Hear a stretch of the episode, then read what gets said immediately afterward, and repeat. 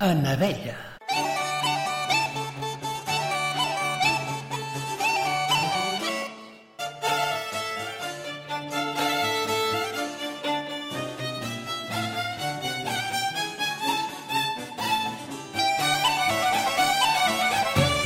En abella s'ha tornat a dormir i arribarà tard al jardí de flors. Totes les seves amigues, les abelles del rus del cedre, fa estona que hi són bronzint sobre els estams de les flors, i ella encara dorm a la seva cel·la. Desperta, abella! cridà Api, l'avellot més vell del rusc. Que t'estan esperant? Deixa'm dormir, rondina abella. No cal que hi vagi al jardí de flors. N'hi ha moltes d'abelles allí i no em trobaran a faltar. De cap manera, li diu Api. Si totes les abelles fessin el mateix que tu, hores d'ara ja no quedarien jardins de flors. T'imagines un món sense flors? No, no me'l puc imaginar, diu una abella, perquè em posaria trista i a plorar molt, molt i molt. Aleshores, aixeca't, ves volant amb les altres i estigues atenta a tot el que t'han d'ensenyar. Ja hi vaig, ja hi vaig.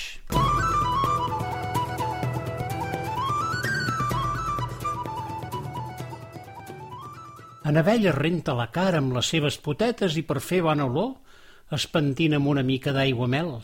Ben empolainada i amb el seu jersei de ratlles surt del rusc. Els raigs de sol es filtren per entre els cedres i Anabella vola entre ells. Com cada dia juga fent zigazagues, com un esquiador fent eslàlom. Totes les abelles, quan són joves, juguen al mateix joc. Després de volar una bona estona se n'adona que s'ha perdut i en lloc del jardí de flors es troba enmig d'un camp de blat. Que bonic que li sembla. Les espigues encara són verdes perquè és primavera i el vent, quan les bressa, les fa moure i el seu vaivé s'assembla a les onades del mar.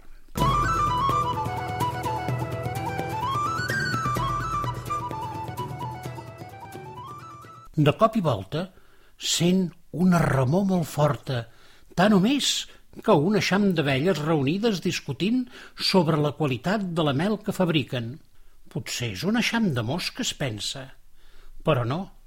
Api, li he explicat un munt de vegades que les mosques no volen en eixam.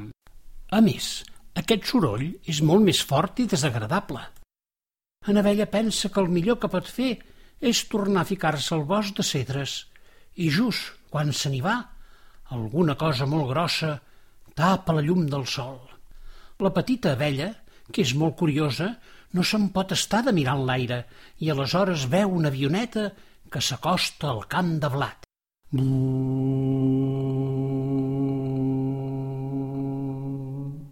Mai no havia vist una avioneta, però Api li ha explicat un munt de vegades com són i el perill que representen per les abelles. Aleshores s'afanya encara més en arribar al bosc.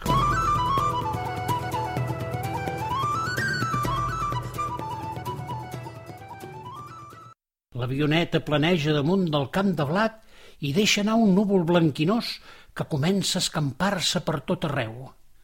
Anabella vola i vola sense parar fugint d'aquell núvol perquè sap que si l'enxampa començarà a tossir i ja no pararà fins a ser ben morta. Api, també us ho he explicat un munt de vegades, això. Si mai veieu un núvol que surt d'una avioneta, fugiu, fugiu i amagueu-vos. No deixeu que us atrapi, perquè aquell núvol porta un verí que mata els animalons més petits com les abelles.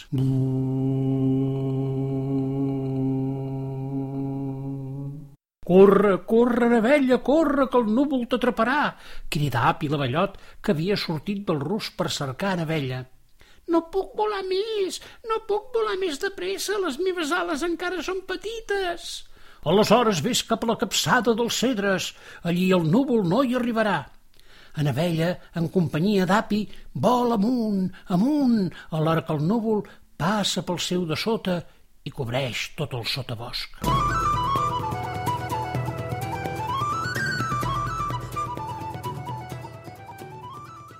L'avellot i la petita abella contemplen des d'una pinya de cedre l'estesa del núvol damunt la terra i en Abella pensa en tots els animalons que viuen dins el bosc i no s'han pogut enfilar a les capçaleres dels cedres.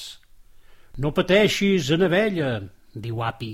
Fa temps que els animalets que aquí vivien van marxar. Tots van anar cap a l'altra banda del bosc de cedres, que és just on hi ha el jardí de flors. Allí els núvols de les avionetes no hi arriben. Ara ho entenc. En lloc d'anar cap a aquella banda del bosc he anat en direcció contrària i m'he perdut. Però com pot ser? Jo m'he guiat pels raigs de sol com cada dia. Ai, Anabella, s'exclama Api, si t'haguessis despertat a l'hora com totes les teves companyes, no t'hauries perdut, perquè en aquella hora els raigs de sol van en aquella direcció, però al migdia, quan t'has llevat, canvien de direcció. Anabella somiqueja i s'adona que per haver ronsejat ha estat a punt de ser atrapada pel núvol de l'avioneta.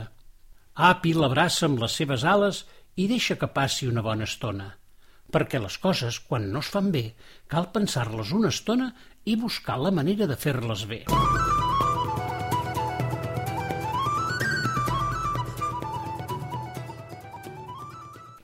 L'endemà, quan Api va cridar les petites abelles per anar al jardí de flors, es troba Anabella a la porta del rus més contenta que un gínjol.